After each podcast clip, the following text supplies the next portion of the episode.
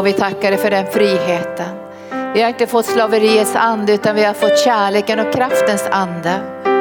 Och vi är så tacksamma att vi får tjäna dig och att det är du som lägger vårt livspussel och inte vi själva. Och därför vet vi att den största pusselbiten i våra liv är att söka ditt rike först och din rättfärdighet. Då har du lovat att allt det andra ska falla på plats och få sin rätta plats. Det är den viktigaste pusselbiten i livet att älska dig, tjäna dig och följa dig ligger på plats. Därför vill vi säga till dig Jesus ikväll, det är sån ära att få tjäna dig. Och du har sagt vi ska försaka allt för att kunna följa dig. Och vi är villiga att ge upp allt och vi vet också att du ger oss allt och vi är villiga att ge upp allt. Så att ingenting kan stjäla vårt hjärta. Men vi ska älska dig med all vår kraft. Med hela vår själ och med hela vårt hjärta. Ge oss kraft och förnya oss Herre i den heliga ande så vi får vingfjädrar som örnen så vi kan komma upp på högre höjder. Så vi kan springa utan att bli utmattade. Så vi kan vandra utan att bli trötta och gå in i ännu mer vad du har förberett oss. Så kom heliga ande och uppmuntra och stöd alla de som har varit på helande dagen och alla som är med i det här mötet ikväll. Och jag tackar dig för nåden att få förkunna genom mitt givande. Så förkunnar jag i andevärlden att din församling är byggd på ditt namn och dödsrikets portar är henne inte övermäktig. Och du har gett till församlingen himmelrikets nycklar för att binda och lösa. Och församlingen är sanningens stödjepelare och grundfäste. Och sanningen måste finnas i församlingen. Därför kompromissar vi inte med sanningen. Även om vi får lida för sanningen så gör vi inte det. Vi vet här att hos dig finns nåd och sanning och det finns kärlek till varje människa. Men sanningen är församlingens uppdrag och därför kan församlingen inte kompromissa, inte svika, inte böja sig och inte anpassa sig efter världen. Utan församlingen ska anpassa sig efter frälsaren. Därför Bibeln säger att Gud har gett Jesus till församlingen som är huvudet och vi är delarna och grenarna och delarna i den här underbara kroppen som ska uppenbara Jesu härlighet i en sargad och bruten värld. Så kom helige ande och styrk ditt folk ikväll. I Jesu namn. Amen. Härligt att ha er här ikväll. Vi är ju inte många så de flesta stolar är tomma fast vi kan sätta ut 800 stolar. Visst är det härligt det? Och jag frågar medarbetarna varje dag så här, får vi ha mer folk i lokalen nu? Jag hörde att de hade öppnat en del i Norge. Så vi ropar till Gud att vi ska kunna samla församlingen och alla gäster på den här platsen. Men till dess, tack för ni som är här. Och alla ni nu som ser mig via nätet och särskilt alla ni som har varit med på helande dagarna. Och jag tänkte också säga att ni som är distansmedlemmar i arken, vi kallar inte egentligen er distansmedlemmar eller nätet församlingsmedlemmar, utan vi tänker på er som riktiga medlemmar i arken. Och vi kommer att samarbeta på de olika platserna i Sverige och Norden, Island, Danmark, Norge, där alla dessa medlemmar finns som inte är stationerade här. Och vi har en plan tillsammans med er hur vi ska kunna nå ut med evangelium. Så ni är ju aktiva, levande, visionsbärande församlingsmedlemmar. Så jag tackar Gud för att vi har så många distansmedlemmar. Jag skulle tro att vi är uppåt hundra säkert nu och kanske du vill bli distansmedlem eller vi sätter situationstecken för vi vill helst inte kalla det det, men vi måste ha ett visst namn. Och vill du nu vara med oss i arken och bära den här visionen så tar du bara kontakter oss på infoetarken.org och så skickar vi dig information om hur man går med i församlingen och du får del i visionsdelningen på länken så att du känner igen det som Gud lägger i ditt hjärta i den här församlingens vision och uppdrag. Tack Jesus. Nu tänkte jag skulle säga innan jag börjar predika så ska jag visa er den här tidningen. Det är att många av er prenumererar redan på Helande Löv. Det här numret är ett dubbelnummer och vi firar 30-årsjubileum för tidningen Helande Löv. Den startade 1990. Och nu har jag gått igenom kan man säga alla tidningar från 1990 och jag tog med några artiklar i det här numret. Och det som gladde mitt hjärta är och var att vi inte har ändrat på det som Gud har kallat oss till. Alltså man skulle kunna plocka artiklar från 90, 91, 92 och känna som att det var 2021, 2020. Och jag har gjort, skrivit många viktiga artiklar i den här tidningen, bland annat två artiklar om sekter, hur man känner igen sektledare och hur man kommer ur sekter om man har hamnat i en sekt. Men jag tyckte det var intressant också att titta på mitt eget liv. Och då hittade jag en artikel, en gammal artikel ifrån Hemmets vän 1983. Och då hade jag vandrat med Jesus exakt i tio år 1983. Och då tänkte jag, vad sa jag 1983? Jag hade fortfarande mitt diakonissemblem på mig. Och jag blev intervjuad i långa intervjuer om mitt liv. Och då arbetade jag också som diakonissa på den tiden. Och jag tänkte, vad sa jag för någonting där? Du, du får läsa den här långa artikeln, men jag ska läsa något som jag sa. Det finns möjlighet att bli helad, säger Linda. Det rör sig om ett gudomligt vidrörande i personligheten när vi står som kanaler och förmedlar Guds läkedom och hälsa in i människors liv. Därför ber jag under andens ledning. Människor får berätta om sina problem. Så söker jag den heliga andes ledning för att se vad jag ska be över. Och Gud visar alltid så jag kan be trons bön med Guds kärlek och förmedla helande och upprättelse. Säger jag inte samma sak idag? Och så sa jag så här, nyckeln i själavården är Guds kärlek. Vi ska hjälpa människor att se hur mycket Gud älskar dem, säger Linda. Hon vet vad hon talar om. Nyckeln i själavården är Guds kärlek. Genom kärleken från Gud så löser man människan att se sig själv som hon verkligen är och en helande process startar i hennes inre. Säger jag inte samma sak idag 2021? Jag tyckte det var jätteintressant att läsa det här och jag kände också en tacksamhet till Jesus. Han har inte ändrat sig. Han flaxar inte iväg och säger nu har jag, nu har jag inget helande längre och den helige ande fungerar inte och befrias inte för den här tiden. Jesus ändrar sig inte. Och när du och jag tjänar Jesus då blir vi fasta. Det står ju, vi läste ju, det var så fantastiskt fint det du sa Helena, att, att vi, vi predikar och förkunnar genom vårt givande. Och evangelium handlar om Jesu fullbordade gärning och det är den som du och jag är kanaler för. Inte ändrar han på det. Och vi får hjälpen av den heliga ande. Och vad har han gjort på korset? Jo, han har berett försoning. Det hörde vi Birgitta sjunga. Vi är förlåtna. Men inte bara det, vi är också befriade. Och vi är helade till kropp och själ och vi är redan upprättade genom hans kärlek och vi behöver hitta tillbaka hem in i Guds plan för våra liv. Så jag tyckte det här var intressant. Jag heter ju Linda Graf på den tiden. Oh, men nu heter jag inte det längre och så står det så här också. Att undervisningen från Guds ord kommer att öppna människors hjärtan så de ser Gud, vad han har gjort för dem så att han kan strömma in över dem med sitt liv. Jag tänkte så här, det här skulle jag lika gärna kunna blivit intervjuad 2020. Den här tidningen, jag skulle önska att du blev prenumerant och då kan du gå in på infetarken.org eller gå in på våran webbshop. Men det här dubbelnumret kostar 89 kronor. Jätteviktiga artiklar, bra artiklar. Vi har en artikel som heter De äldres drömmar och de yngres visioner möts i Jesus Kristus. Och man tänker ju så här, kan de äldre ha drömmar? Det är mest ungdomar som drömmer för framtiden och tänker ut olika saker. Jag ska säga, när drömmarna dör i våra hjärtan, då dör också vi. Alltså då kommer vi inte att ha något andligt starkt liv då längre. Och i morse när jag hade undervisning för årskurs två så satt vi och pratade om, tänk om det här inte är på riktigt. Jag menar många människor tror inte att Gud finns. De tror att när de går in i evigheten är det bara svart. Det finns inte. Ja men vad tjänar det till då att du satsar dina pengar i en börs i himlen? Du och jag samlar ju en börs i himlen, eller hur? Du och jag lägger ner våra liv för att följa Jesus. Du och jag väntar en segerkrans i evigheten. Du och jag förväntar oss om dödas uppståndelse. Du och jag förväntar oss att vara med när den nya jorden föds. Därför satsar vi allt. Vi sa så här i morse, tänk om det inte finns någonting.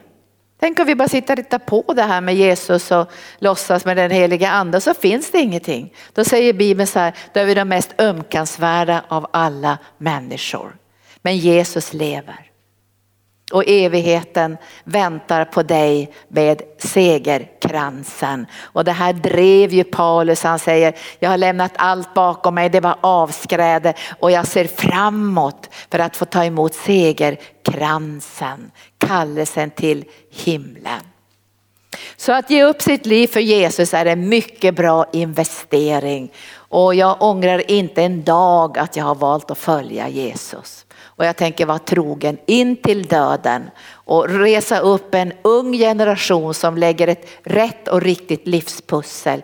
Man kan inte lägga sitt livspussel själv för då kommer alla delar att få samma betydelse utan det är huvud Alltså, huvudpusselbiten om man nu skulle säga så, där att söka Guds rike först och hans rättfärdighet. Då kommer alla andra saker på plats. Och är inte den huvudpusselbiten på plats så kommer allting som har med Guds rike och församlingsarbete bli ett krav och göra oss stressade. Men om vi har Guds rike för våra ögon så kommer varje utmaning, allt det Herren har på sitt hjärta att fylla oss med jubel. Tack Jesus. Så nu ska jag predika om hoppet. Ikväll kommer det handla om hoppet. Hoppet. Och det står ju i första Korinthierbrevet, nu citerar jag bara det, att det står så här att eh, nu består, nu består tro, hopp och kärlek dessa tre. Men störst av dem är kärleken. Därför att kärleken är drivkraften för hoppet i den kristna tron. Och kärleken är drivkraften för tron. Och kärleken samarbetar kan man säga, eller så, samverkar med varandra, tro, hopp och kärlek. Men utan kärleken så, så blir det inte på det sätt som Gud längtar efter. Men ikväll ska vi tala om hoppet. Och vi ska tala om det levande hoppet. Det är skillnad på hopp och hopp. Du kan gå till läkaren och säga att det här kommer att bli bra. Vi har ju sett det här förut och det kommer att bli bra. Man skulle kunna säga att det är ett mänskligt hopp. Men det är inte ett levande hopp. För det har inte Guds kraft i sig. Och för det levande hoppet grundas på Guds löfte, på Guds ord. Om du får ett hopp om du tittar på tv och säger att det kommer att bli bra väder imorgon, ja men då kan vi hoppas på det. Eller vi hoppas på olika saker, vi, kom, vi hoppas på allt möjligt. Men det är inte ett levande hopp, därför att ett levande hopp måste grundas i ordet. Skriv ner det. Ett levande hopp måste grundas i ordet och det bärs av ordet. Därför finns det två sorters hopp. Det finns mänskligt hopp och det finns hopp som kommer ifrån himlen. Och det hoppet är ett ankare står det i Bibeln. Hoppets ankare som är vad då innanför förlåtan. Ska, det ska, vi ska läsa det bara så du ser det. Att det hoppet är innanför förlåten. Och det står så här då. Eller han säger han säger många saker, men jag läser bara två ställen från Hebreerbrevet, lite bibelstudium ikväll. Kapitel 6, slå upp kapitel 6. Det här säger författaren, vi tror ju att det är Paulus men det är många som är lite osäkra på det att han har skrivit det här brevet. Men, men författaren säger i alla fall så här i elfte versen, en uppmaning. Vi önskar att ni var att var och en av er, vi önskar att ni var och en ska visa samma iver att bevara den fulla vissheten i hoppet ända till slutet. Här står det den fulla vissheten i hoppet. Varför säger han det? Jo, därför att tron är ju en övertygelse om det man hoppas.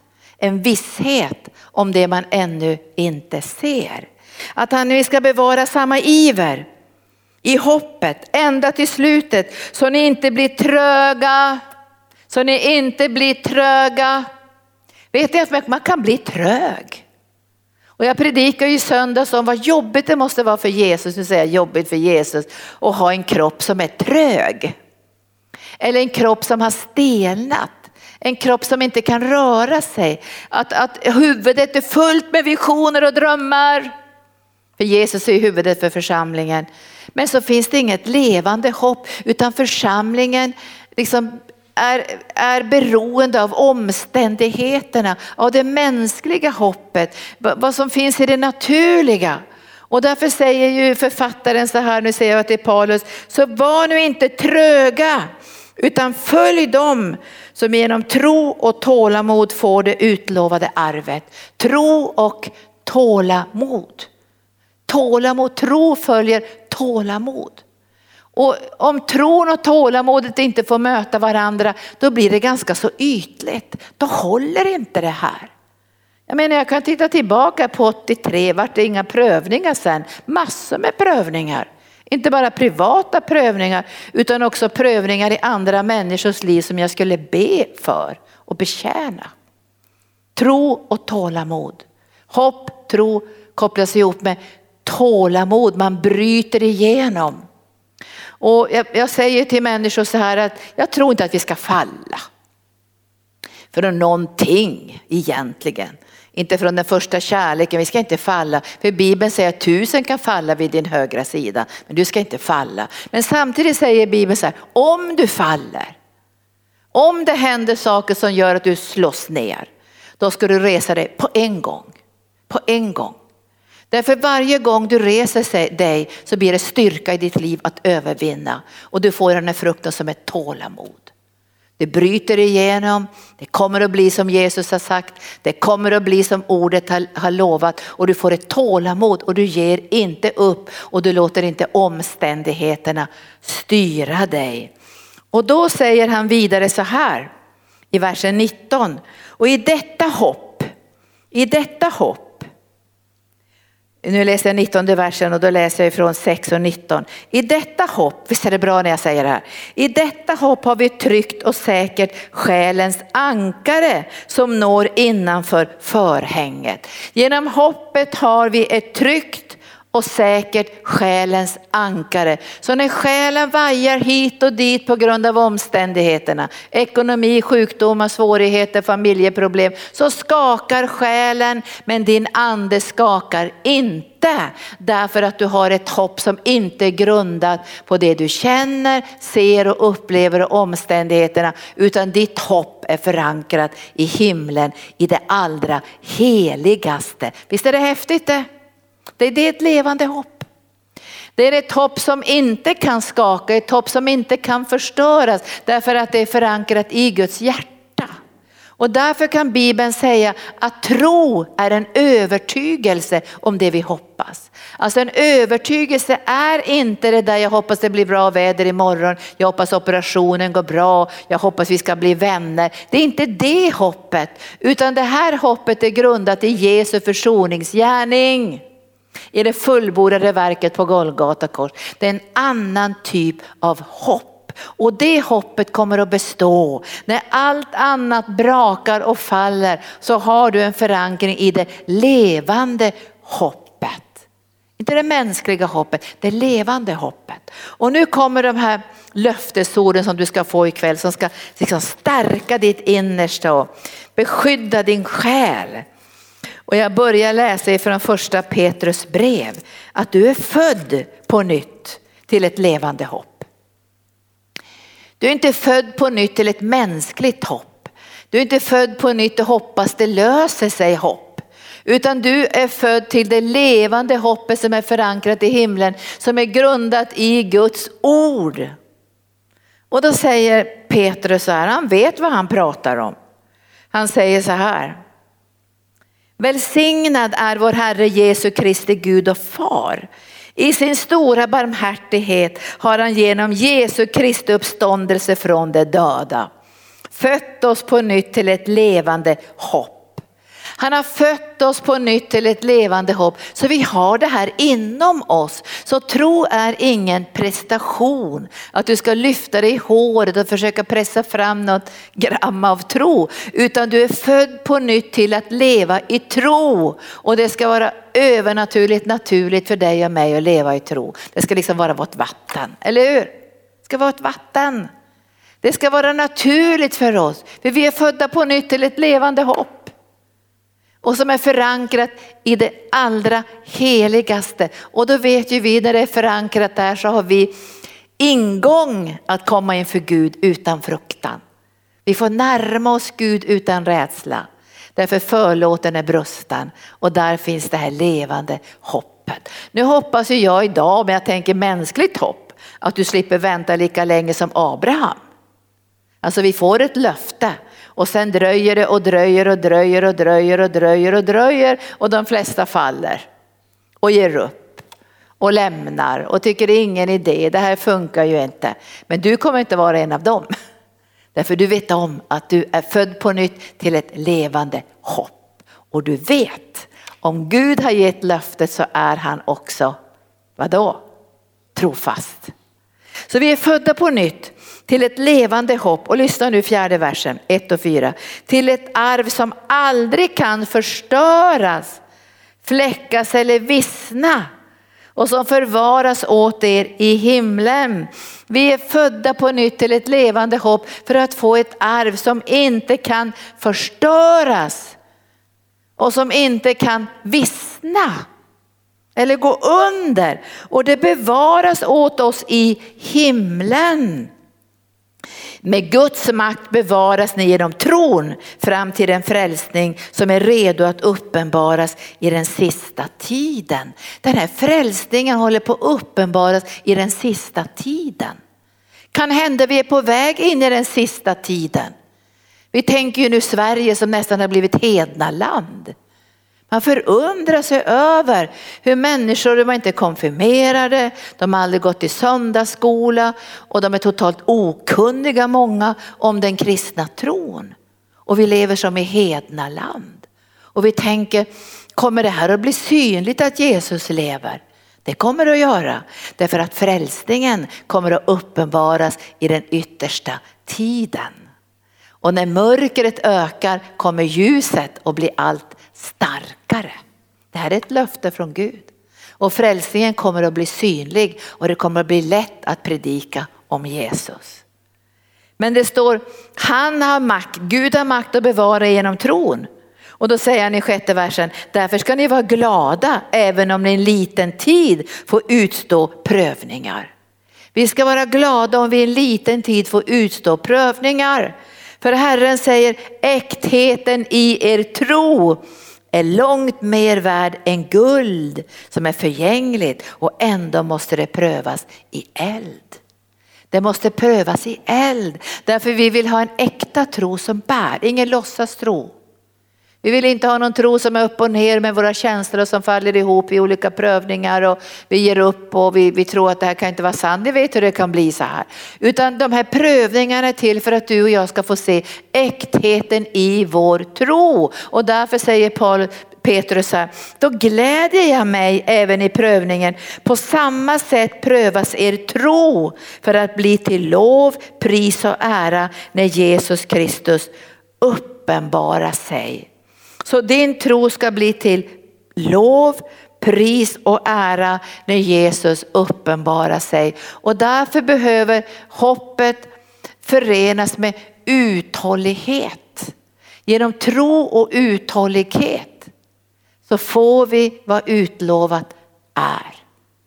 Och då ska vi titta på en del bibelställen ikväll och vi ska börja titta då lite grann på i Romarbrevet kapitel 4 där vi får möta Abraham. Och man läser ju ofta om honom men man, man stannar ofta inte upp och tänker hur jobbigt det var för honom. Alltså han fick ju sin tro luttrad i eld gång på gång på gång på gång. Och han föll ju vid ett tillfälle. Han försökte ordna det här själv så han föll. Alltså fader Abraham föll för att det blev ju inget barn. Och Sara hade ju lätt när ängeln sa att du ska få ett barn, en löftesson, så log hon. För hon hade ju lämnat sin, sin möjlighet att bli gravid sedan år tillbaka. Hon var, kunde inte bli gravid någon längre, hon hade inte mens någon mer. Hon var ju i ålderdomen och de hade säkert inte haft sex på jättelänge. Så det här var ju bara, kan det här bli någonting? Kan jag föda ett barn när jag är kring hundra år? Vad ska hända med min kropp, mina höfter, med mitt bäcken? Vad står det i Bibeln? Hon fick kraft att föda. Övernaturlig smörjelse att föda. Men, men Abraham han gav ju upp efter ett tag och så står det att han gick till sin slavkvinna för att få barn med henne. Men det behagade inte Herren. Utan Gud ville ge det här barnet på, med vanlig så att säga, samlag. Men det skulle ske övernaturligt därför att det naturliga samlaget var, det var, gick inte att få barn den vägen. Därför hon var inte fruktsam längre. Så det var ändå övernaturligt. Och då står det så här om Abraham.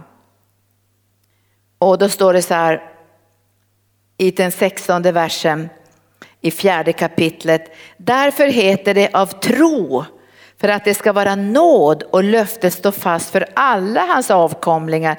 Inte bara för dem som tillhör lagens folk utan också för dem som har Abrahams tro. Alltså här finns redan löftet för oss att vi ska få del av det här övernaturliga livet. Och det står, han är allas vår far. Som det står skrivet, jag har gjort dig till far för många folk. Det var alltså löfte som Abraham fick av Gud. Jag har gjort dig till far till många folk. Och det är han inför den som han trodde på. Gud som ger liv åt de döda och kallar på det som inte är till så som det var till. Där har vi ju inget naturligt hopp, eller hur? Han trodde på Gud som ger liv åt de döda och kallar på det som inte är till som det var till. Där hoppet var ute, nu ser vi det där naturliga hoppet var ute, så hoppades han ändå och trodde och blev far till många folk som det var sagt. Så ska din avkomna avkomma bli. Alltså han fick ett löfte som han höll fast vid. Och då säger han någonting som vi ska också ta in i våra hjärtan. Han vacklade inte i tron när han tänkte på sin döda kropp. Alltså han vacklade inte i tro när han tänkte på sin döda kropp. Han levde inte i någon sorts förnekelse. Jag är 25 år, jag är fortfarande viril, jag kan skapa ett barn. Han, han tänkte på att hans kropp var så som död. Men han visste ju någonting om Gud. Han sa ju det innan här. Han säger så här, han, han som ger liv åt de döda och kallar på det som inte är till så som det var till. Alltså han visste om att Gud är undrens Gud och han hade inget hopp som var grundat i det naturliga. Och det hoppet måste förankras med våran tro, annars kommer vi att vackla och falla. Jag vet det. Jag vet det sedan 1972. Att om inte hoppet förenas med tron och är driven av Guds kärlek, då kommer jag ge upp. Därför vi önskar ju se resultat på fem minuter. Visst är det så? Alltså vi är ju sådana människor och vi blir ju nästan värre och värre. Man brukar intervjua barn så här, skulle du vilja ha belöning på en gång eller belöningen om tre veckor? Och då får du lite mer belöning. Vad tror ni barnen sa? De vill ha belöning nu. Vi vill ha belöningen nu. Men det står så här, han vacklade inte i sin tro när han tänkte på sin döda kropp. Han var omkring hundra år och Saras moderliv var dött. Det var dött. Alltså det här är trons förutsättning. Att vi, vi hoppas att vi ska slippa komma i de situationerna när allt är dött. Men vi kommer att få uppleva det här när vi får tro trots allt. Varför kan vi tro trots allt? Därför vi kan Guds ord. Gud har sagt någonting. Och då håller vi fast vid det. Jag blev smädad en gång, det var någon skrattade åt mig och sa, ja men du sa ju på 80-talet och 90-talet vi skulle få en stor väckelse och stor ungdomsväckelse och, och det skulle bli det ena och det skulle bli det andra och det skulle bli stor växt och beröring av människor. Vad blev det av det säger de. Det blev ju inte mycket av det. Vi har inte sett så mycket i Sverige av någon väckelse. Men om Gud har sagt det och han har sagt det i sitt ord. Eller hur? Inte släpper vi det. Tror Guds vilja är att alla människor ska bli frälsta. Gud önskar att nå ut med evangelium till alla människor. Gud önskar att ha stora församlingar där människor kommer att få ett hem och trygghet. Det är Guds löfte. Och det ska vi väl inte släppa och låta omständigheterna styra. Eller vad säger ni? Vad säger du Daniel? Du säger nej, Guds ord ska få styra våra liv. Och vi håller fast, vi ska ha en jättestor ungdomsväckelse med tusentals ungdomar som vänder om till Jesus. Och tusental är ju väldigt lite egentligen. Om vi tänker på alla ungdomar som lider med psykisk ohälsa i Sverige. Då får vi tänka större tal. Men genom tron kan vi se mer.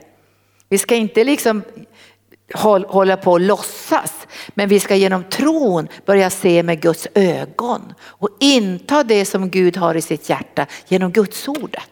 Och när Gud talar till oss om församling, då håller vi fast vid det.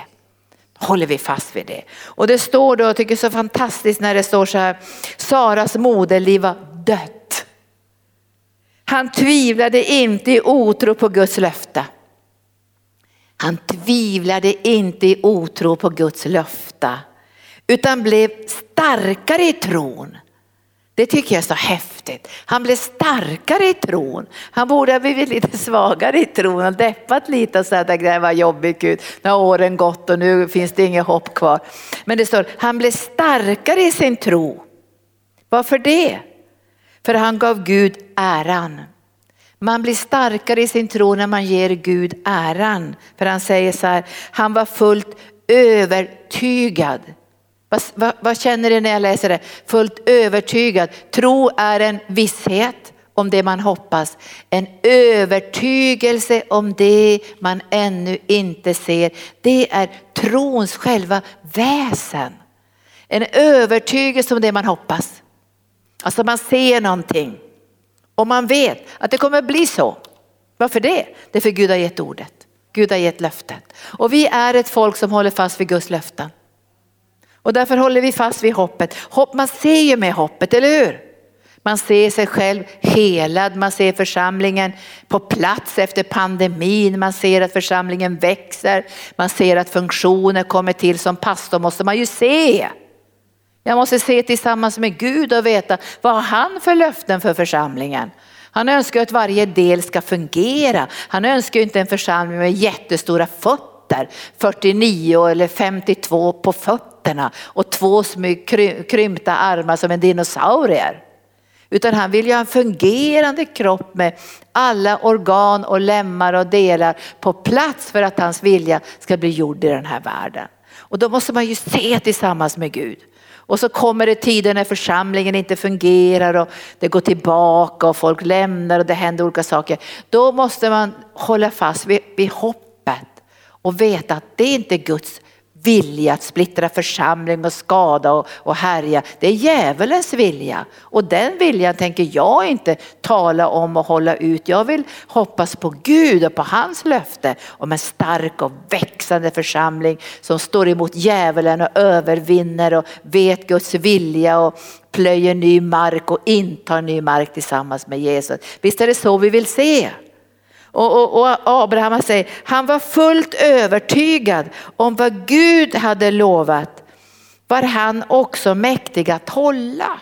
Vad Gud hade lovat, inte vad människor har lovat eller vad läkarna har lovat. För de hade ju sagt, sluta tro på det här, Saras moderliv är ju torkat. Det blir inget barn, det kanske var det naturliga. Men han ärade Gud för han visste det är Gud som har gett löftet. Därför måste du och jag vara ordet fokuserade och grundade i ordet för att få ett levande hopp. Annars fungerar inte tron. Alltså tror inte jag tror, jag tror, jag tror, det funkar inte. Utan tron måste kombineras med det levande hoppet som är innanför förlåten, som är grundat i Guds ordet. Och så när kärleken får komma till, då börjar tron att bli verksam. Så intar man område, så ger man inte upp. Även om tron prövas gång på gång så vet man att här, det är bra att tron prövas så vi inte har låtsas tro. Plasttro och människotro utan det ska vara en tro som bär genom prövningarna och klarar uthålligt att hålla fast vid vad Gud har lovat och ge Gud ära. Tycker ni om när jag predikar det här? Det är starkt det här va? Det är underbart det här. Tack Jesus, Abraham. Tack för att han inte gav upp. Nu ska vi läsa istället till om tro. Och vi ska gå vidare här, nu har vi läst i kapitel 4 och så går vi in i kapitel 5. Här står det också om hoppet. Vad är det för hopp som det talar om här? Det är inte bara hopp om helande eller hopp om evig, alltså hopp om att det ska gå bra i församlingen, privata livet, utan här handlar det om hopp om Guds härlighet. Visst är det bra det? Hopp om Guds härlighet. Vad säger Jesus? Sade jag inte om du trodde skulle du få se Guds härlighet. Vad var det för härlighet de fick se? Lazarus väcktes upp ifrån de döda. Vill ni se den härligheten? Vill ni vara med när de döda kommer till liv? Alltså vill, jag vill vara med då. Jag vill vara med när det sker stora mirakler. När församlingen får genombrottskraft. Och Jesus säger också så här till dem att um, han talar om det här levande hoppet. Så, så får man se på många ställen så här att, att när han botar människor så är det Guds kraft som flödar fram. Och Guds liv flödar fram. Och nu ska vi se här, hoppet om Guds härlighet. Sa det inte om ni trodde skulle ni få se Guds härlighet. Och när Jesus botar den blinde mannen så säger han, det här har skett för att Guds härlighet ska bli uppenbarad. Och när Jesus botar sjuka, kastar ut onda andar, reser upp människor på olika sätt så är det Guds härlighet som blir uppenbarad i den här världen. Och vi ber om Guds härlighet. Vi vill inte ha någon inomvärldslig trist kristendom. Eller vad säger ni? Vill ni ha det? Liksom det vi bara klarar av i köttet det mesta och försöker få hit människor som är välutbildade och så kanske vi klarar oss lite grann.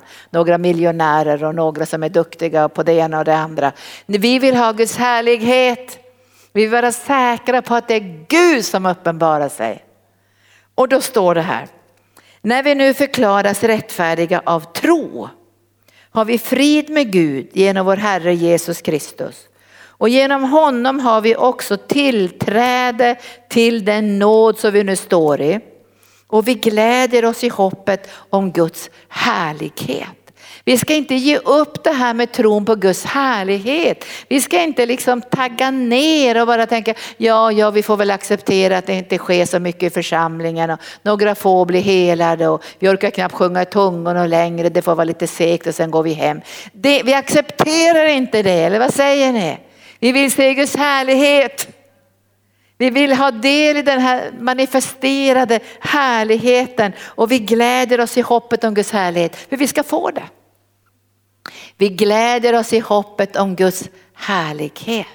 Vi gläder oss, vi vet att Gud är på vår sida. Han vill det här, han vill uppenbara sin härlighet, han vill manifestera sin närvaro, han vill att människor ska bli helade. Ja men vi vet att det här är Guds hjärta. Och därför kan vi se tillsammans med Gud. Och vi behöver se genom hoppet. Så när vi ser till exempel församlingen oss själva och vad vi nu ser och vi tycker det, det, det är inte så bra, vi tycker inte att det fungerar. Då måste vi se tillsammans med Gud och kalla på det. Han kallar på det som inte finns så som det fanns. För det är så lätt liksom att bara se det här begränsade och beskriva det, eller hur? Man beskriver sig själv i sin begränsning, man beskriver församlingen i sin begränsning. Men Gud vill att vi ska beskriva det hur han ser det genom hoppet. Hans drömmar, hans önskningar och hans ord. Och då säger han de här fantastiska orden. Han säger, men inte bara det, nu kommer det här tillbaka som Petrus också sa, vi gläder oss mitt i våra lidanden. I utmaningarna, i svårigheterna kan vi få en övernaturlig glädje om vi har det levande som är verksamt genom kärleken där tron är inbakad. Därför tro är en övertygelse om det vi hoppas. En visshet om det vi ännu inte ser. Och jag tycker att övertygelse och visshet är starka ord. Det är som fundament, det är som cementerat. Det är som att vi böjer oss inte, vi ger oss inte, vi släpper inte taget. Och jag sa till eleverna i morse, när man har vandrat med Gud så länge som jag har gjort i över 40 år, så har man ju sett det ena och det andra. Men jag sa till eleverna så här, att även om tusen dog vid min högra sida, i corona eller i någon cancer eller vad som helst, så skulle jag aldrig vika undan från Guds ord ska aldrig göra det. Jag skulle fortsätta att säga genom Jesus sår har vi fått läkedom. Genom hans sår är vi helade. Och varför skulle jag säga det? Jo, därför att Jesus har sagt det. och det är fullbordad gärning.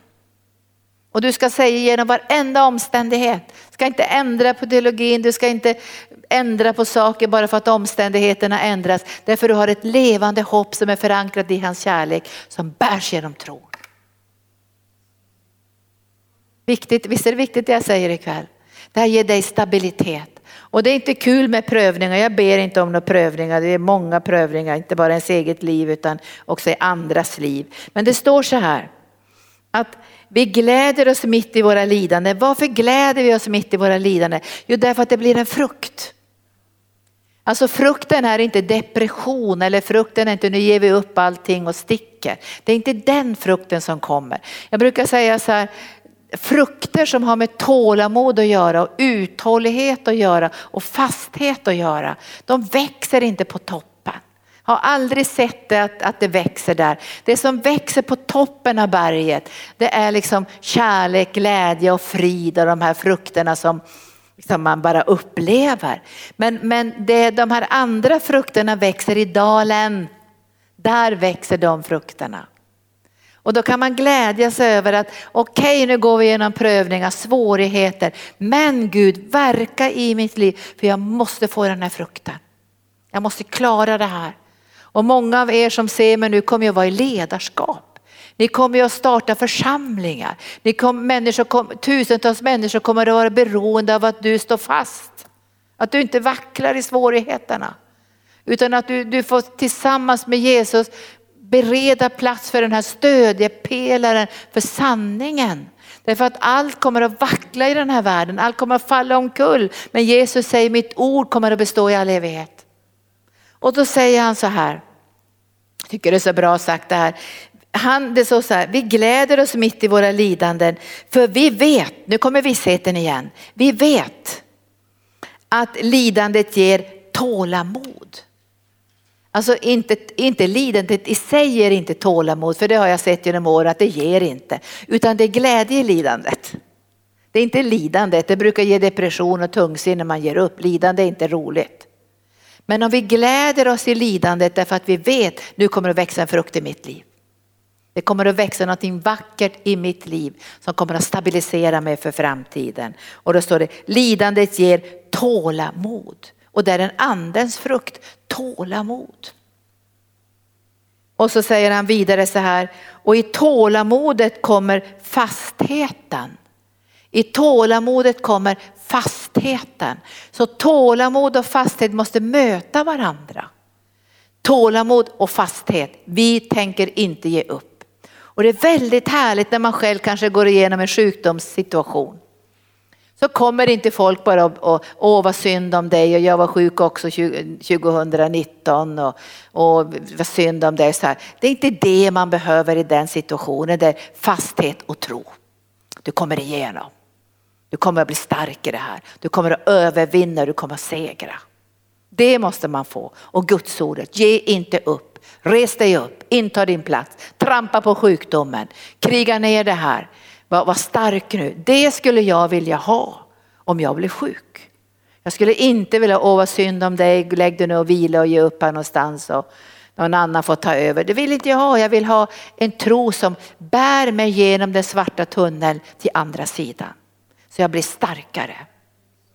Alltså jag vill att prövningarna ska göra mig starkare, inte svagare, inte tvivlande, inte uppgiven. Och jag, jag vet att det är inte lidande i sig själv som ger mig tålamod utan det är att jag kan glädja mig i lidande för jag vet att det växer en frukt. Och så tänka så, det växer en frukt. Och då står det tålamodet i lidandet ger tålamod och tålamodet fasthet. Och vad kommer sen? Nu läser jag rakt upp och ner här i fjärde eh, versen 5 och 4. Och fastheten hopp. Vad var det här? Glädjer mig i lidandet kommer tålamodet, fastheten och i fastheten växer det levande hoppet. Så när du börjar bli fast, du behöver inte vara jobbig för det, men, men du säger jag tror på Jesu helande. Ja men det ser inte ut så. Jag har varit i situationer där det inte sett ut så alls. När jag började proklamera Guds ord i mitt liv så tyckte jag att det såg ut som skrutt. Jag tyckte att jag hade inga pengar, jag hade inga, knappt några fina kläder, jag bodde i en rivningskåk. Hade lämnat allt för att följa med Jesusfolket. Tills jag fick höra förkunnelsen att jag var välsignad. Inte bara lite grann utan med all den himmelska världens andliga välsignelse. Och först tänkte jag att det kan inte vara sant. Men han har fött mig på nytt till ett levande hopp, till ett arv. Som är förvarat åt mig i himlen, som aldrig vissnar och inte ska förstöras. Så jag tänkte, vågar jag säga det här medan mitt liv ser ut som skrutt? Och då sa Gud, du måste börja säga det nu för att ditt liv ska förändras. Så jag började tala ut.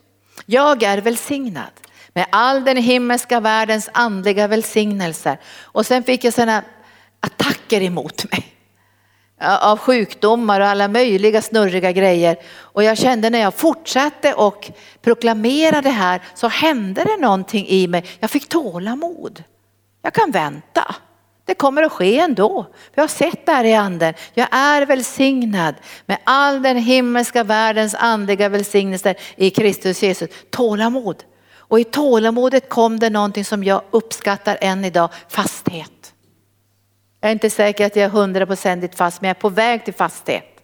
Fasthet i mitt liv.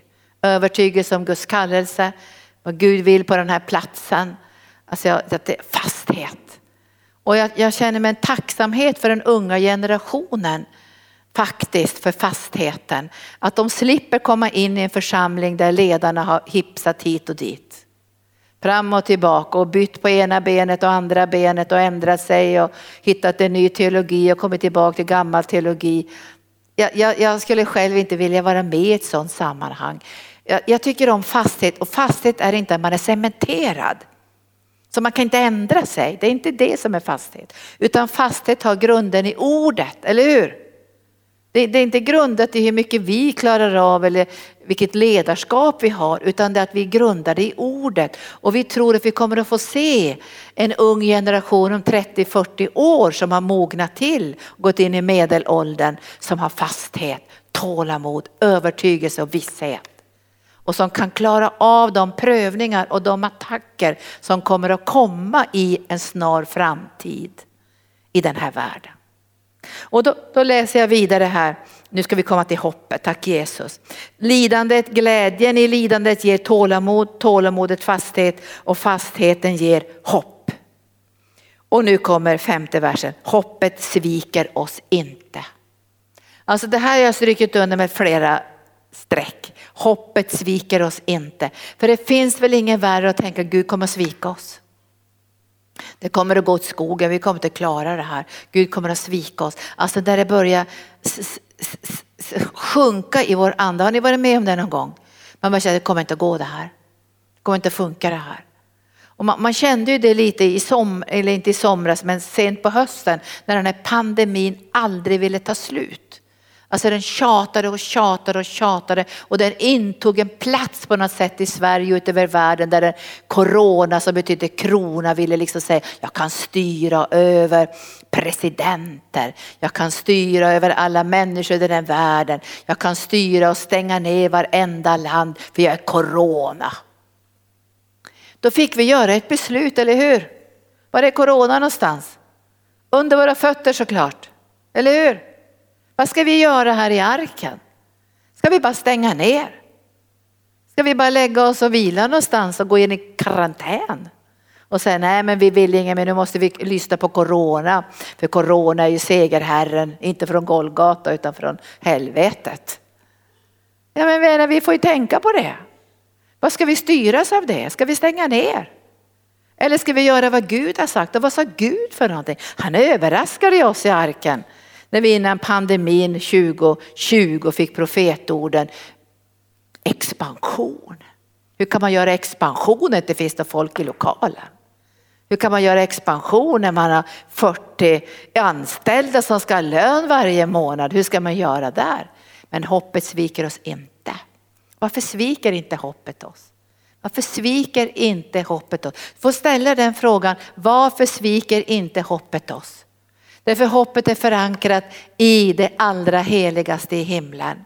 Alltså när vi börjar se det här och vi är inte där än, alltså vi är inga full, att vi har inte klarat av allting.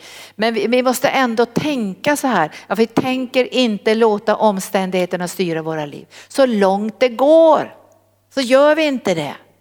Vi, vi tillåter inte någon som träder fram och säger jag är corona och har massor med kronor på huvudet. Jag bestämmer, jag styr. Vem är det som styr ditt och mitt liv? Det är Jesus. Det kommer att bli värre pandemier. Bibeln säger ju att det kommer att bli våld och övergrepp och det kommer att bli krig och det kommer att bli folkmord överallt och det kommer att damma av allt mörker. Men vi måste göra beslutet, vilket hopp bärs vi av? Bärs vi av det hopp som kommer att falla sönder eller bärs vi av hoppet som är i himlen och vi är födda på nytt så vi har det på insidan med ett levande hopp. Och då, nu ska vi säga så här, varför sviker inte hoppet oss? Varför går det inte sönder? Det borde ju gå sönder när allting är så jättejobbigt. Varför går det inte sönder? Därför att hoppet sviker oss inte.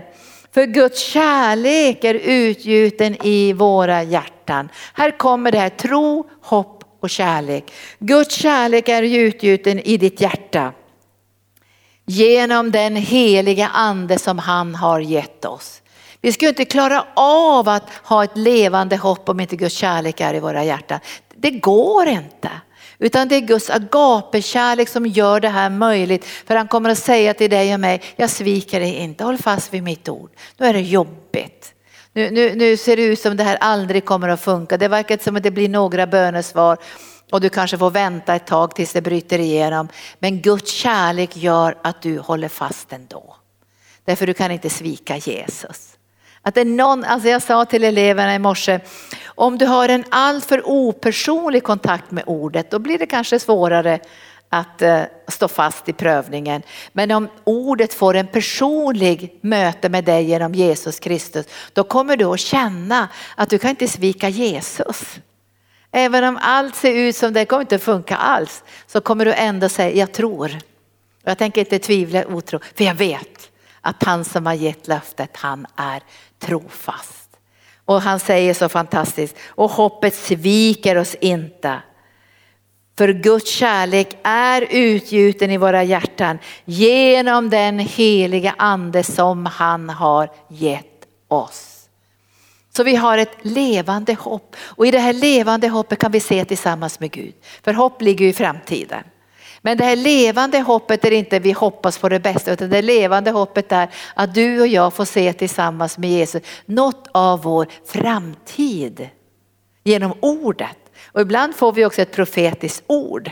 Men det måste kopplas till ordet. Så när Gud ger ordet och vi ser genom ordet och när vi ber för människor så måste vi se dem genom ordet. Du kan inte be för någon om du undrar om Gud vill hela. Eller om Gud vill förlåta.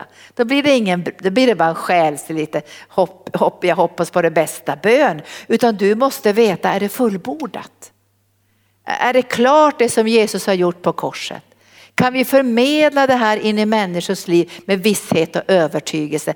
Eller kommer han att stå vid sitt löfte? Kommer han att svika oss? Och jag tror att när vi mer och mer tror på att Gud aldrig kommer att svika oss, då kommer också tron att bli starkare. För tron måste ju röra sig framåt, eller hur? För hoppet ligger ju där framme, men genom tron intar vi hoppet. Och nu fick ju Abraham vänta länge för han var ju trons fader och skulle ge hopp till oss alla som får vänta länge. Men genom tron intar vi ju hoppet, eller hur? Jag säger en hemlighet här.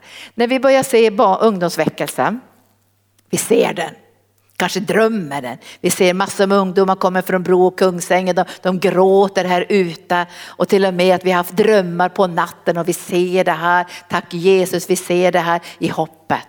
Vi ser hur de blir andedöpta, fyllda med Guds kraft och vi döper dem i hundratal här på, på, i dopgraven. Vi ser det genom hoppet. Då måste tron ta stegen. Alltså tron är ju en rörelse in mot hoppet, driven av Guds kärlek. Och när tron ska ta steg så finns också andens ledning.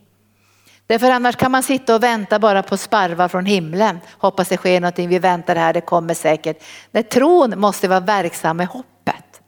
Så genom tron börjar vi få ledning från Gud och så kanske Herren säger, jag vill att ni ska boka tid på en ungdomsgård här i Bro varit mycket knark där kanske Gud, så hittar jag bara på. Kanske mycket knark där och mycket problem och polisen har fått vara där. Men jag vill att ni ska gå dit. Och ni ska nu ta med er många lovsångare och sen ska ni sjunga i anden och ni ska flöda i den helige ande och ni ska vittna om mig. Och då måste man ju veta om man har tro för det, man har hopp för det. Vi har sett väckelsen och vi har sett tusentals människor bli frälsta, det har vi ju sett. Men genom tro måste vi inta det hopp som Gud har gett. Och där finns andens ledning och det är där som man måste gå i linje med sin tro. Man får inte gå i övertro. Man får inte hitta på saker utan genom tron finns också andens nådegåvor, andens ledning, andens inspiration för att man genom tron ska kunna inta det här hoppet och hålla fast vid det som Gud har sagt och lovat. Vart det för svårt det här? För att om kärleken inte finns som drivkraft blir det här jobbigt. Och jag, jag, jag läste på nätet, det var en av mina vänner som skrev så här. Jag tyckte det var så jobbigt att kärleken skulle kallna i de flestas liv. För det står ju det i Matteus 24. Men då sa jag så här, ja det är den mänskliga kärleken som kommer att kallna. filioskärleken, Och den är inte mycket att bygga på. Därför när laglösheten ökar och de här gäng, kriminella gängen dödar varandra och och tappar totalt empatin och kan bete sig hur som helst. Det är klart att det, människor tappar kärleken. Den naturliga kärleken, men agape-kärleken kan aldrig kallna. Den kommer ifrån Guds hjärta. Och det är den kärleken som är ingjuten i vår ande. Därför kan vi få ett hopp för varenda kriminell ungdom. Därför kan vi få hopp för den mest psykiskt sjuka där läkarna har gett upp. Därför vår kärlek är inte filioskärlekens begränsning och hoppet, hoppas att den medicinen hjälper, hoppas det går bra för den här killen. Utan vi har agapekärleken där tron och hoppet samverkar för att det som Gud har lovat ska gå till fullbordan. För kärleken är utgjuten i våra hjärtan och vi gläder oss i hoppet om Guds härlighet. Och vi kommer att få se Guds härlighet. Nu tar vi till sist ifrån Hebreerbrevet. Vi, vi har ju känt pastor Gunnar och vi vill tala om tro ganska mycket men att förstå vad tro är också. Därför det måste börja med hopp. Alltså vi måste genom ordet få hoppet först. Vi kan inte få tron utan hoppet. Alltså vi måste se, kan det här bli verklighet? Kan vi få se väckelse? Kan vi få se mirakler? Kan vi få se genombrott? Kan vi få se allt det här som ordet lovar? Och Jesus han lovar ju otroligt mycket. Större gärningar än jag gör ska ni göra. Tror vi på det? För jag går till Fadern. Och så säger han, be om vad helst ni vill och ni ska få det. Vilka löften som han har gett. Och då får man ju det här hoppet att tänka, åh vad, vad vill vi be om för någonting? Och jag tänkte ju så här häromdagen, jag undervisar ju om det här med drömmar. Hur Gud hade kommit in till Salomo i drömmen och sagt så här, be om vad du vill och du ska få det. Be om vad du vill. Och då, då bad han om något som behagade Gud. Han sa så här, att jag är ännu ung och jag är inte fullmogen ledare så jag ber att jag ska få visdom för att kunna vara en ledare för ditt folk. Det var det han bad.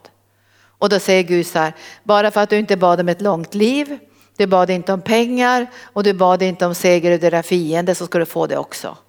Och då tänkte jag så här, vad skulle jag be om?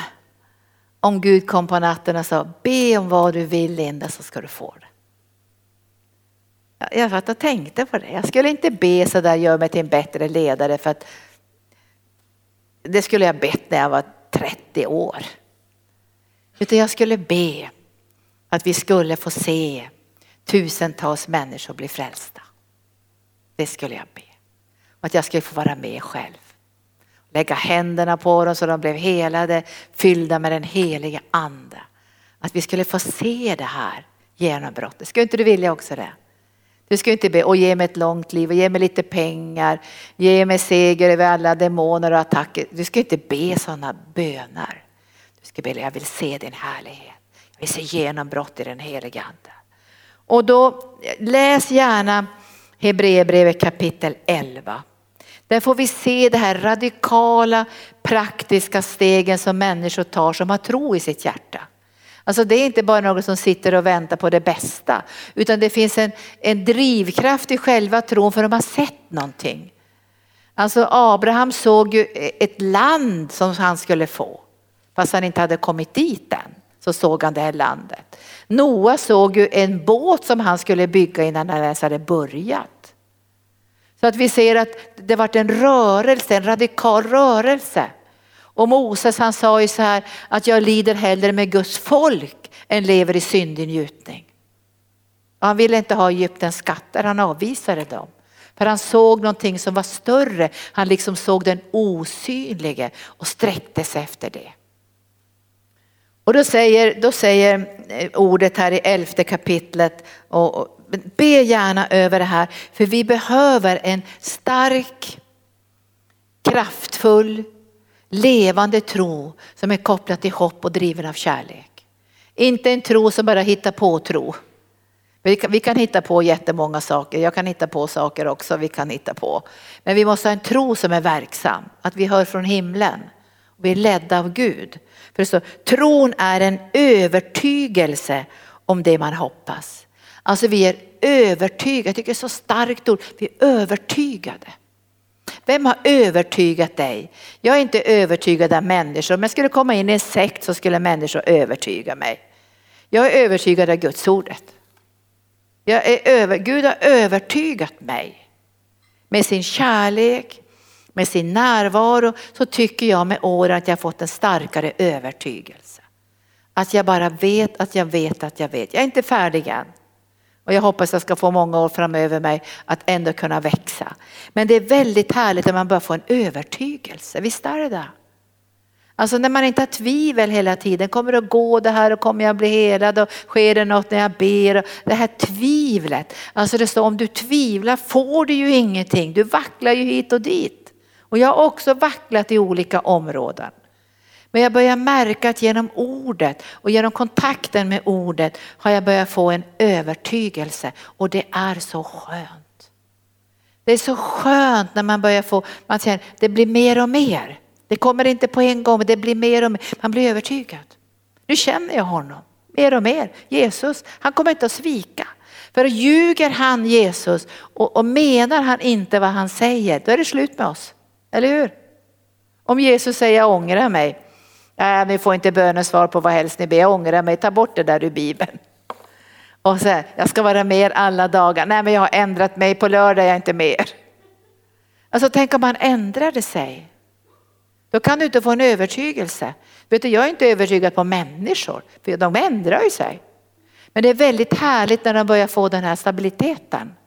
De börjar bli övertygade om sin kallelse och sin utrustning och sådana saker. Men människor kan ju inte lova allting för vi är ju bara lerkärl. Vi vet ju inte om vi lever nästa vecka. Men Gud är stabil. Han står fast. Så tro är en övertygelse om det man hoppas, alltså det man ser genom ordet.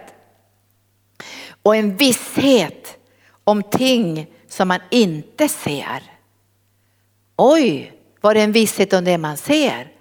Och sen blir det en, eller en övertygelse om det man hoppas och en visshet om det man inte ser. Nej men vi ser det inte precis idag. Vi ser det inte.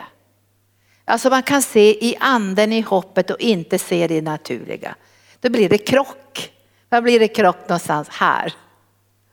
Därför sinnet protesterar. Nej men vi ser ju inte det här. Då kan det väl inte vara sant. Men vi har en visshet om det vi inte ser just nu, för vi ser det i anden. Och därför är vi övertygade att det som Gud har sagt genom sitt ord, det kommer att ske även om det inte syns just nu. Och det har också med helande att göra och med bekännelsen att göra och ta emot ifrån Gud. För om allt beror på att du får ett mirakel på en gång, då kommer du att tappa din tro. För ibland så måste du igenom svårigheterna, stå fast genom svårigheterna, hålla ut genom svårigheterna, hålla fast vid Guds ordet och få se vad utlovat är. Och då behöver du inte tro något längre, då är det full visshet, då är det liksom klart. Och så kommer nästa område. Så det står så här att um, tro är en övertygelse om det man hoppas, en visshet om ting man ännu inte ser eller inte ser. Genom tron fick fäderna sitt vittnesbörd. Alltså genom tron kommer det ett vittnesbörd in i din ande och det har med Guds kärlek att göra. Och utan Guds kärlek är det svårt att stå fast i tro. Guds kärlek är utgjuten i ditt hjärta genom den helige ande. Så när allting är mörkt och jobbigt och svart och corona skriker rakt ut att jag är Herre och vi får hålla fast vid att vi kommer att klara arken, vi kommer att komma igenom och församlingsmedlemmar kommer att strömma in i hundratal när pandemin är över och vi kommer att kunna genomföra vår kallelse och corona skriker jag har makten. Då måste vi göra som skriften säger. Vad säger skriften? Ta varje tankebyggnad till fånga varje bålverk och varje tanke som reser sig upp mot Jesu Kristi lydnad eller mot Jesus Kristus, ta det till fånga och lägg det under Jesu Kristi lydnad. För det är Jesus som är Herre. Det är Jesus som är Herre. Det ser inte ut som det är just nu. Att det är Jesus som är Herre i det naturliga, för här sitter en tom lokal. Men i anden så har han redan segrat. Han har redan segrat. Och då får vi det här vittnesbördet. Genom tron får vi, så vet vi att universum har skapats genom ett ord från Gud. Och att det vi inte ser har blivit till. Vi läser det igen. Genom tron förstår vi att universum har skapats genom ett ord från Gud. Så att det vi inte ser har blivit till av något synligt. Så vi vet, så vi ser inte jag började. Genom tron förstår vi att universum har skapats genom ett ord från Gud så att det vi ser inte har blivit till av något synligt. Det var ju så här att Gud skapade allting med sitt ord. Han talade ut sitt ord och det blev till. Har hans ord försvagats? Har hans ord liksom förringats? Ja, det kanske har förringats men hans ord har inte försvagats. Allt har blivit till genom ett enda ord, var det ljus. Och så börjar Gud att skapa genom sitt ord. Och det är därför han har sänt sitt ord så du och jag ska kunna ha ett levande hopp genom ordet. Ett ankare innanför förlåten, en trygghet och visshet att Guds kärlek är utgjuten i våra hjärtan. Och även om vi får uppleva prövningar på det privata planet, i familjen, dödsbud, attacker på olika sätt så kommer du och jag inte släppa taget om hans löfte därför att vi vet att han som har gett löftet är trofast. Och vi vet när Guds kärlek är utgjuten i våra hjärtan så vet vi också att gläder vi oss mitt i lidandet. Vi gläder oss inte över lidande för det skulle vara helt fel att säga det. Vi gläder oss mitt i lidande för vi vet att om vi handskas rätt med det som sker i våra liv så kommer vi få de här frukterna. Visst vill vi ha dem? Alltså tålamod och fasthet. Och det här levande hoppet som bara växer i fasthet. Och du kommer att få bli en kanal för människor som har tappat hoppet. Vet du, många människor är utan hopp i den här världen. Och det står om det. De är utan hopp. De är utan frälsning, de är utan Gud, de är utan hopp. Men du ska vara en hoppets bärare in i människors förtvivlan. Och då måste du själv ha fått del i det här hoppet så det bär på insidan så du kan bli en kanal och ge det här vidare. Du ska vara frimodig med evangelium. Du ska vara frimodig oavsett om du jobbar på ett jobb där de säger att ja, du får inte missionera här. Kanske säger så, du får inte missionera här. Då måste du tänka så här. Ska vi lyda människor mer än Gud? Det är en bra fråga. Det har jag aldrig gjort. Och även om de skulle vara på en arbetsplats och de sa att här får du inte säga ett enda ord om Jesus. Så skulle jag be till Gud, öppna dörrar för mig så jag kan ge varenda en här evangelium. För det är mitt uppdrag, att gå ut i hela världen för att kunna evangelium, eller hur? Och apostlarna säger, de blir ju slagna och piskade och säger, ni får absolut inte predika i det här namnet, ni får inte be för sjuka, ni får inte. Och då står det så här, fem minuter senare var de ute och predikade. Eller hur? Därför de säger så här, men säg, tänk själva, ska vi lyda er mer än Gud? Nu ska inte vi vara som dåraktiga sådär. Men vi ska alltid tänka evangelium måste ut bland människor. Och när du får ett levande hopp och en tro som är verksam, då tappar du människofrukten. Visst är det skönt? Halleluja. Slipper människor fråga Vad tycker de här och vad tycker de där? Och skulle det vara så att du förlorar ditt jobb, det är väl inte hela världen då? Om du har förlorat ditt jobb för att de har sagt, ja du bad för den här döende människan och vi har lyssnat bakom dörren och den blev faktiskt frälst men vi gillar inte det ändå. Vad står det i Bibeln då? Om du blir förföljd för din tro, då står det, då kommer härlighetens ande att vila över dig. Härlighetens ande.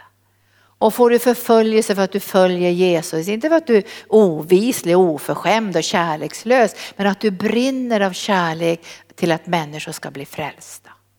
Då kommer Gud att välsigna dig och du kommer att få ett bättre jobb.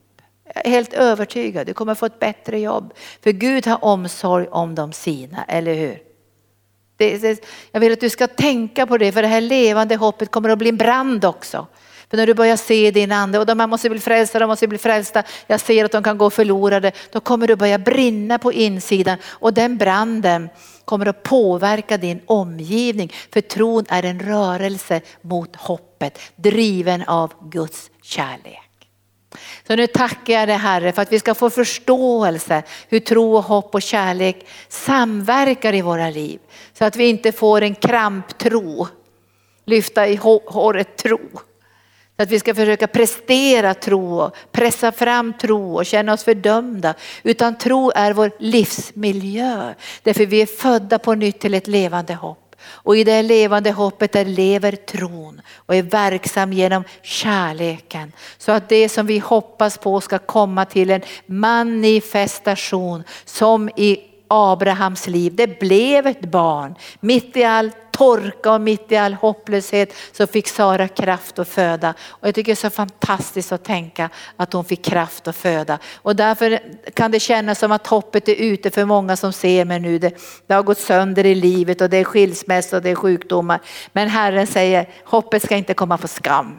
För Guds kärlek är utgjuten i ditt hjärta och du kan alltid börja om. Har du fallit sju gånger på näsan och misslyckats och slagit dig och du tycker alla har förkastat dig så kan du resa dig upp i namnet Jesus och han kommer att smörja dig för han ångrar inte sin kallelse och sina nådegåvor. Tack Jesus. Och nu ber jag för dig som har haft missuppfattningar när det gäller tro, hopp och kärlek.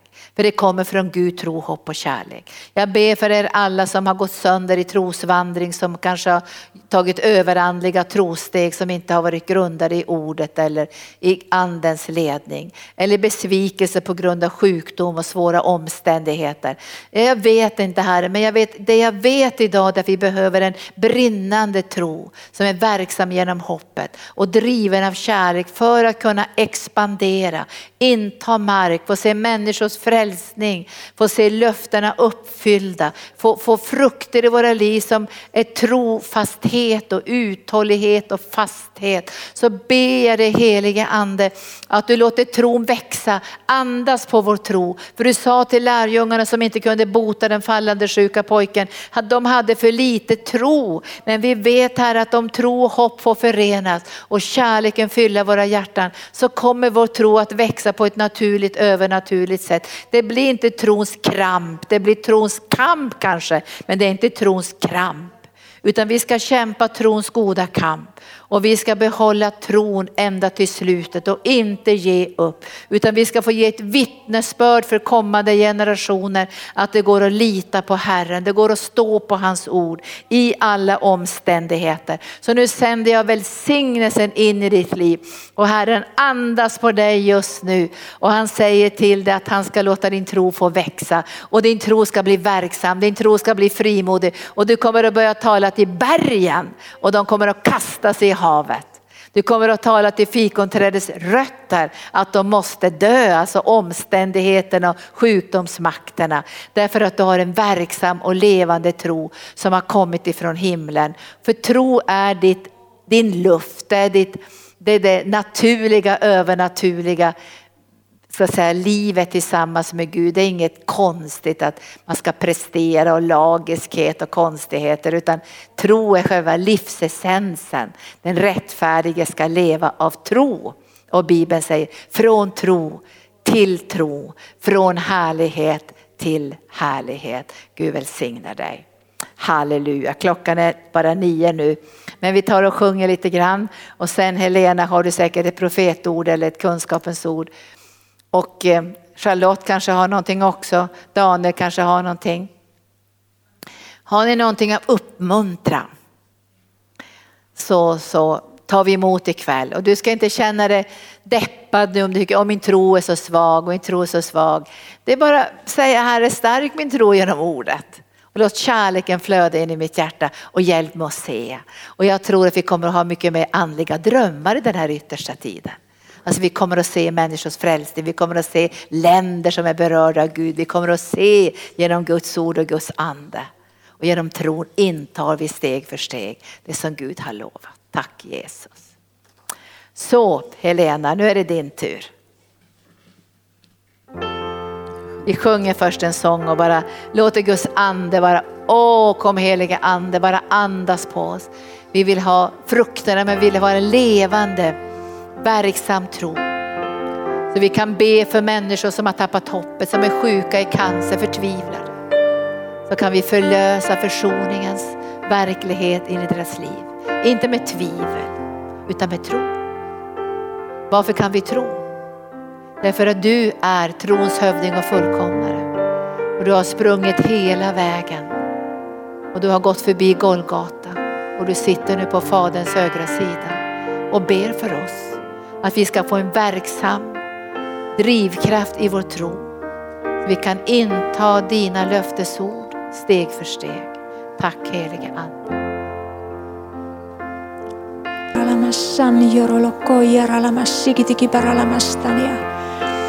Och jag bara se, eh, förnimmer inom mig att det finns eh, någon som har följt det här mötet. Du har hamnat på den här tv-sändningen och Titta på det här just nu. Och det har funnits så mycket svårigheter och så mycket prövningar.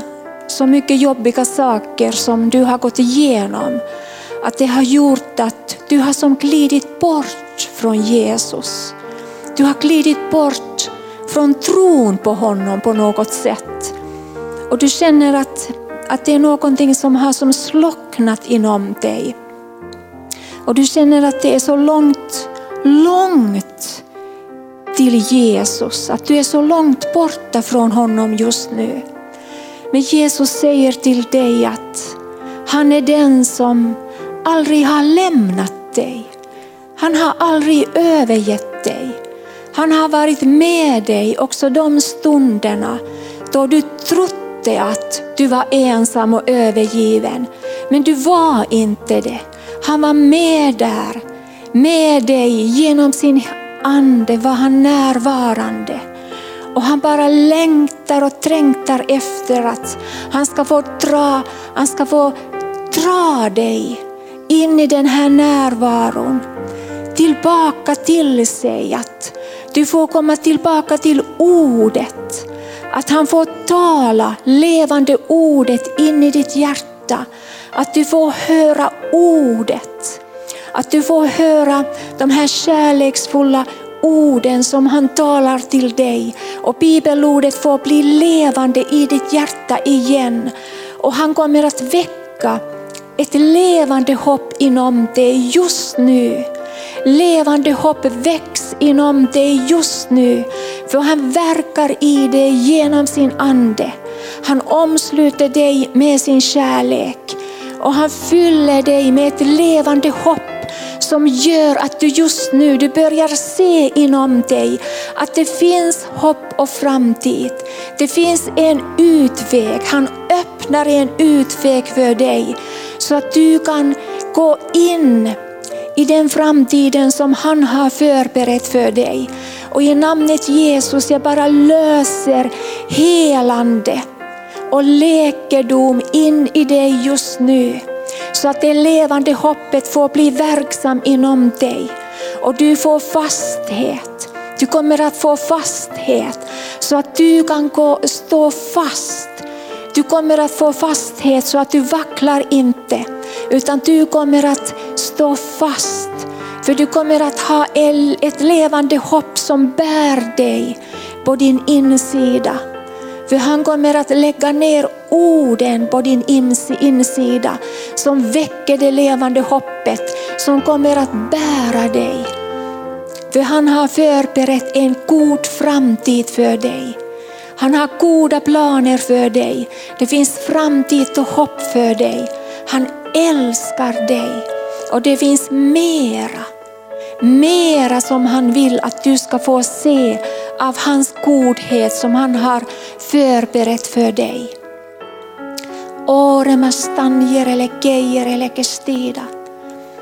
Har du ett ord Charlotte?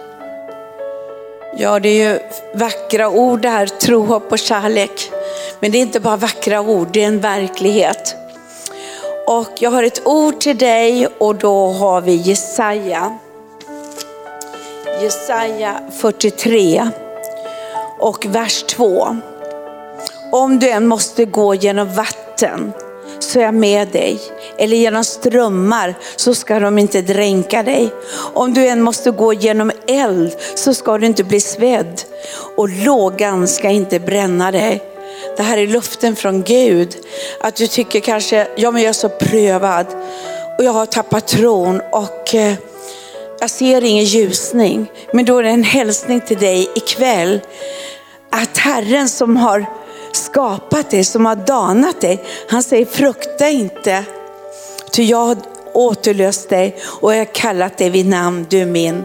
Och vad du än går igenom så frukta inte utan förtrösta på Herren. Ta de här orden till dig. Tro, hopp och kärlek. Och det är de orden kan bli verklighet. Och de vill Jesus ge dig ikväll. Han vill ge dig tro, han vill ge dig hopp han vill ge dig kärlek. Så frukta inte. Och just nu i Jesu namn, vi bara kallar på det som inte syns, men som finns i som finns till dig genom Jesu försoningsverk. Vi kallar på det som inte syns, vi kallar på hälsa. I ditt namn Jesus, vi kallar på hälsa för var och en som behöver hälsa just nu.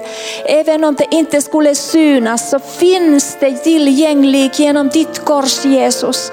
Och vi bara löser hälsa in i kroppen och in i själen. Hälsa i namnet Jesus. Olla manastan jereleke stenjerelekeja. Oremasikiti paralamastania. Och vi kallar på de här drömmarna som fanns inom dig, som har slocknat. Vi kallar dem till liv. Drömmarna vaknar till liv inom dig. Det levande hoppet vaknar inom dig. Och du som tittar på det här, du ska drömma tillsammans med Jesus. Du ska våga drömma drömmar igen. Du ska ha drömmar inom dig i Jesu namn.